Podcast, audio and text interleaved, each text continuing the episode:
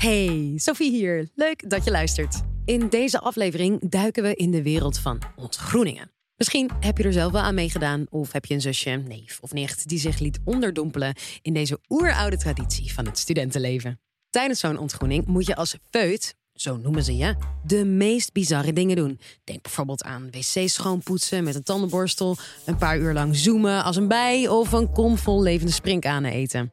Heb je dit allemaal overleefd? Dan ben je pas echt lid van de studentenvereniging. Ontgroenen is steeds meer in het nieuws en vaak niet op een positieve manier. De 20-jarige Vlaamse Sanda Dia overlijdt in 2018 tijdens zijn ontgroening bij de elitaire studentenclub Reuzegom in Leuven. Burgemeester Halsema wil openheid over de gebeurtenissen tijdens de ontgroening van het Amsterdam Studentenkoor. Tijdens de ontgroening van een nieuwe student werd deze zo hard op zijn hoofd geslagen dat hij met hoofdletsel naar het ziekenhuis moest. Je vraagt je af waarom mensen überhaupt meedoen aan dat soort ontgroeningen en hoe het zo uit de hand kan lopen. Roos Vonk van de Radboud Universiteit vertelt ons alles over de zin en de onzin van ontgroeningen. Ik ben zelf nooit ontgroend. Ik heb wel in Leiden gestudeerd, maar ik was geen lid van een studentenvereniging. Maar ik vind het een heel interessant verschijnsel, omdat het samenhangt met de vraag: waarom doen mensen mee aan iets waarbij ze bijvoorbeeld vernederd worden, waarbij ze hele vervelende dingen moeten doen en waarbij het ook gigantisch uit de hand kan lopen, zoals in het nieuws is geweest. Waarom doen mensen dat?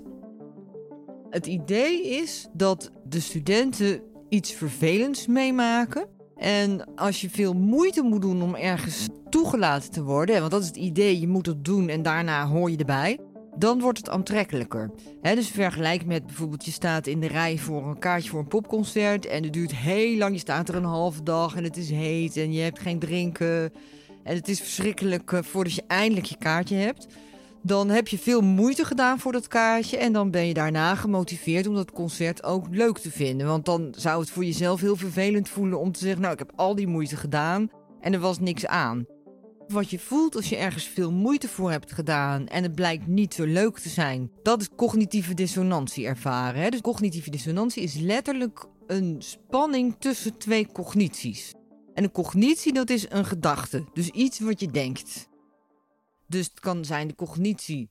Ik ben, heb heel veel moeite gedaan voor een studentenvereniging of voor een, concertkaartje. En de andere cognitie is, ik ben daar nou en ik vind er niks aan. Dat zijn tegenstrijdige cognities, gedachten. Die tegenstrijdige cognities die geven een spanning, een dissonant. En om van die spanning af te komen, gaan mensen cognities verdraaien. Van ah, zoveel moeite was het nou ook weer niet. En dat heet cognitieve dissonantie reductie. Psychologen hebben dat ook onderzocht. In, er is natuurlijk heel veel onderzoek gedaan naar cognitieve dissonantie. Want dat heb je op allerlei domeinen, kan zich dat voordoen. Dus dit is maar een hele specifieke vorm. Maar ze hebben dat ook onderzocht in oud onderzoek in de jaren 60 in Amerika.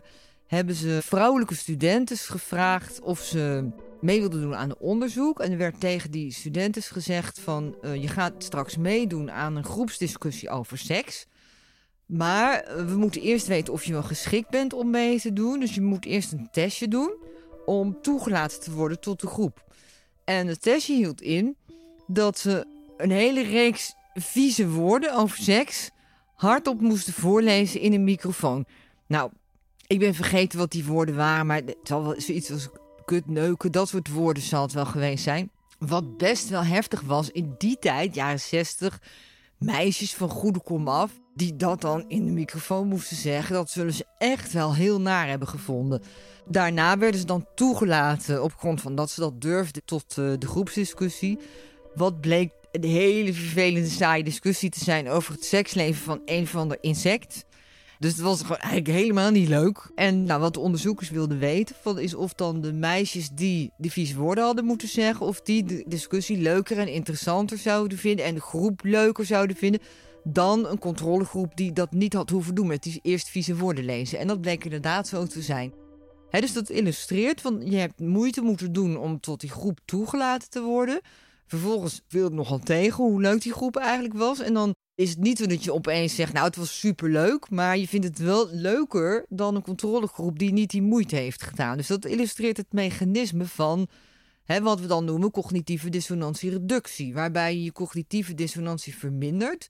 Door te zeggen, nou, ik heb er veel moeite voor gedaan. Maar het is ook echt wel de moeite waard geweest. En dat is het principe van die ontgroening. Waarom het uh, effectief is om de binding met de vereniging te versterken. En daarnaast is natuurlijk ook zo dat je, je maakt samen ook die dingen mee. Dus dat betekent dat die ontgroeningen wel werken in de zin van dat ze de band met de vereniging en met de medestudenten versterken. Dat is dan een positief gevolg. Maar het is natuurlijk ook duidelijk uit de mediaberichten erover dat er een keerzijde aan zit. Dat het uit de hand loopt. Dat sowieso je kan, vragen kan stellen over de mentale gezondheid ervan. Dat het zelfs fysiek uh, echt schadelijk is. En ook doden erbij gevallen zelfs. Hè. Die zaak van Sanda Dia in België. Die jongen is dood. Uh, dus het is ook wel belangrijk om te kijken van hoe kan het eigenlijk gebeuren dat mensen zomaar grenzen overschrijden. Hun eigen grenzen overschrijden door daarin mee te gaan. Of als toehoorder erbij staan en dat laten gebeuren.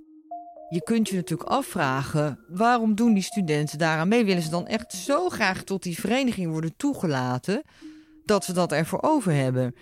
Ik denk dat we heel erg onderschatten dat we van nature groepsdieren zijn. We vinden onszelf heel autonoom en individualistisch en we denken allemaal van, ik zou dat niet doen. Maar het gebeurt zo vaak, denk ik bij ons allemaal, dat je in een groep zit en er iets gezegd wordt waarvan je denkt. Uh, nou, hier ben ik het eigenlijk helemaal niet mee eens. Of dit kan je toch niet zomaar zeggen. Dat je toch je mond houdt, omdat je voelt van ja, maar als ik hier nou tegen inga, dan geeft dat spanning. Gaat iedereen ineens naar mij kijken van wat heb jij? Ze vinden het niet meer leuk, het is niet meer gezellig. dus instinctief, het zit gewoon in het beestje. De mens, de mens is een groepsdier. In het beestje zit dat we het leuk en gezellig willen houden. Dat is denk ik een belangrijke reden. En het interessante is, dat zie je niet alleen bij ontgroeningen, maar bij alles hè, wat de laatste jaren in het nieuws is geweest over MeToo-incidenten, over intimidatie op de werkvloer. Het zijn allemaal situaties waar mensen hadden kunnen zeggen van, ho even, wat doe je nou? En het niet deden omdat ze niet de lastpak, uh, niet de spaak in het wiel uh, wilden zijn. Nou, ik denk dat met die eerstejaars ook zo gaat. Ze komen daar, ze kennen de Morris niet van zo'n vereniging. Ze zijn, ze zijn onbekend met hoe het gaat. Ze zien van, nou ja, zo gaat het. Ik wil meebewegen. Ik wil niet de grote lastpak in de groep worden. Maar er zijn ook omstanders, er zijn ook ouderejaars die erbij zijn. Hè, en die zien het ook gebeuren. En dat is natuurlijk ook een heel belangrijke variabele, de omstander. Want we weten van allerlei incidenten dat het valt en staat bij de gratie van de reacties van de omstanders. Want kijk, het is heel logisch dat het slachtoffer het vaak moeilijk vindt om voor zichzelf op te komen. Vaak zit die ook hiërarchisch onderaan in de pikorde. Dat is bij de studentenvereniging zo. Dat was bij die incidenten bij de Voice of Holland, hè, die MeToo-incidenten was dat ook zo altijd zit de slachtoffer lager in de hiërarchie. Dus die is onzeker van kan ik hier wel iets van zeggen. Maar eh, andere mensen die daar al veel langer werken, die zouden ook zich uit kunnen spreken en zeggen van ho even, wat doe je nu? Die doen het ook vaak niet. En dat is hetzelfde mechanisme. Hè? Dat zijn allemaal mensen die denken van ja, maar als ik hier nou iets van zeg, dan creëer ik spanning. En hoezo diegene kan het zelf ook wel doen. Hè? Dat meisje wat lastig wordt gevallen, die, nou, ze zegt er zelf niks van, dus dan zal ze het ook wel niet erg vinden. Hè, dus je verzint voor jezelf weer een smoesje, weer een vorm van cognitieve dissonantiereductie of zelfrechtvaardiging, waardoor je niet je uit hoeft te spreken, omdat het onprettig is om te doen. En ik denk dat het belangrijk is, want we hebben vaak een oordeel daarover, van ja, die mensen hadden wat moeten zeggen. Ik denk dat het belangrijk is om ook bij jezelf te raden te gaan en te zoeken naar situaties waarin je dat ook is overkomen. Want we maken dat allemaal mee. En de druk van dat in die groep zijn, onder andere mensen zijn en het leuk willen houden en niet lastig willen zijn, die is gewoon heel groot. Dus door dat bij jezelf te herkennen, ga je het ook beter begrijpen dat andere mensen dat doen. Nou, om er wel iets van te zeggen, moet je jezelf eigenlijk erop voorbereiden. Dus je moet tegen jezelf zeggen, hè, stel je bent lid van een studentenvereniging en je weet van er komen ontgroeningen aan, dan moet je eigenlijk van tevoren met jezelf afspreken. Uh, als er iets gebeurt waarvan ik vind dat niet door de beugel kan, dan ga ik er iets van zeggen. En als ik dat doe, dan zal het zo zijn dat mij dat ongemak gaat geven. Dus het zal zo zijn dat iets in mij het niet zal willen. En de neiging zal bij mij opkomen om smoes te verzinnen om het niet te doen. Maar ik ga het toch doen. Ik ga dat ongemak wat dan ontstaat, ga ik verdragen. Want ik wil trouw zijn aan dingen waar ik zelf in geloof.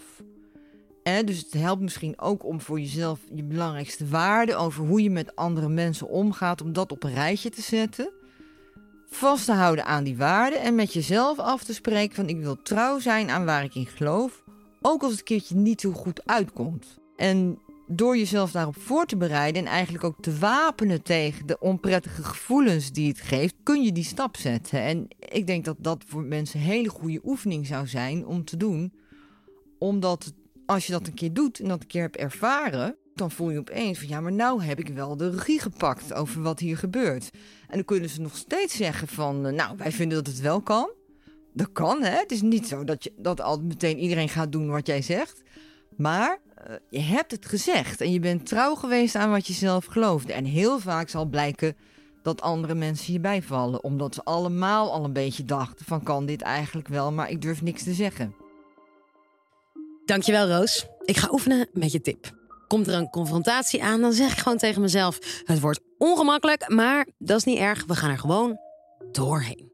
Benieuwd wat het me allemaal gaat opleveren. En voor jou, vond je dit een leuke podcast? In ons kanaal hebben we er nog een heleboel voor je klaarstaan. Dankjewel voor het luisteren en tot de volgende.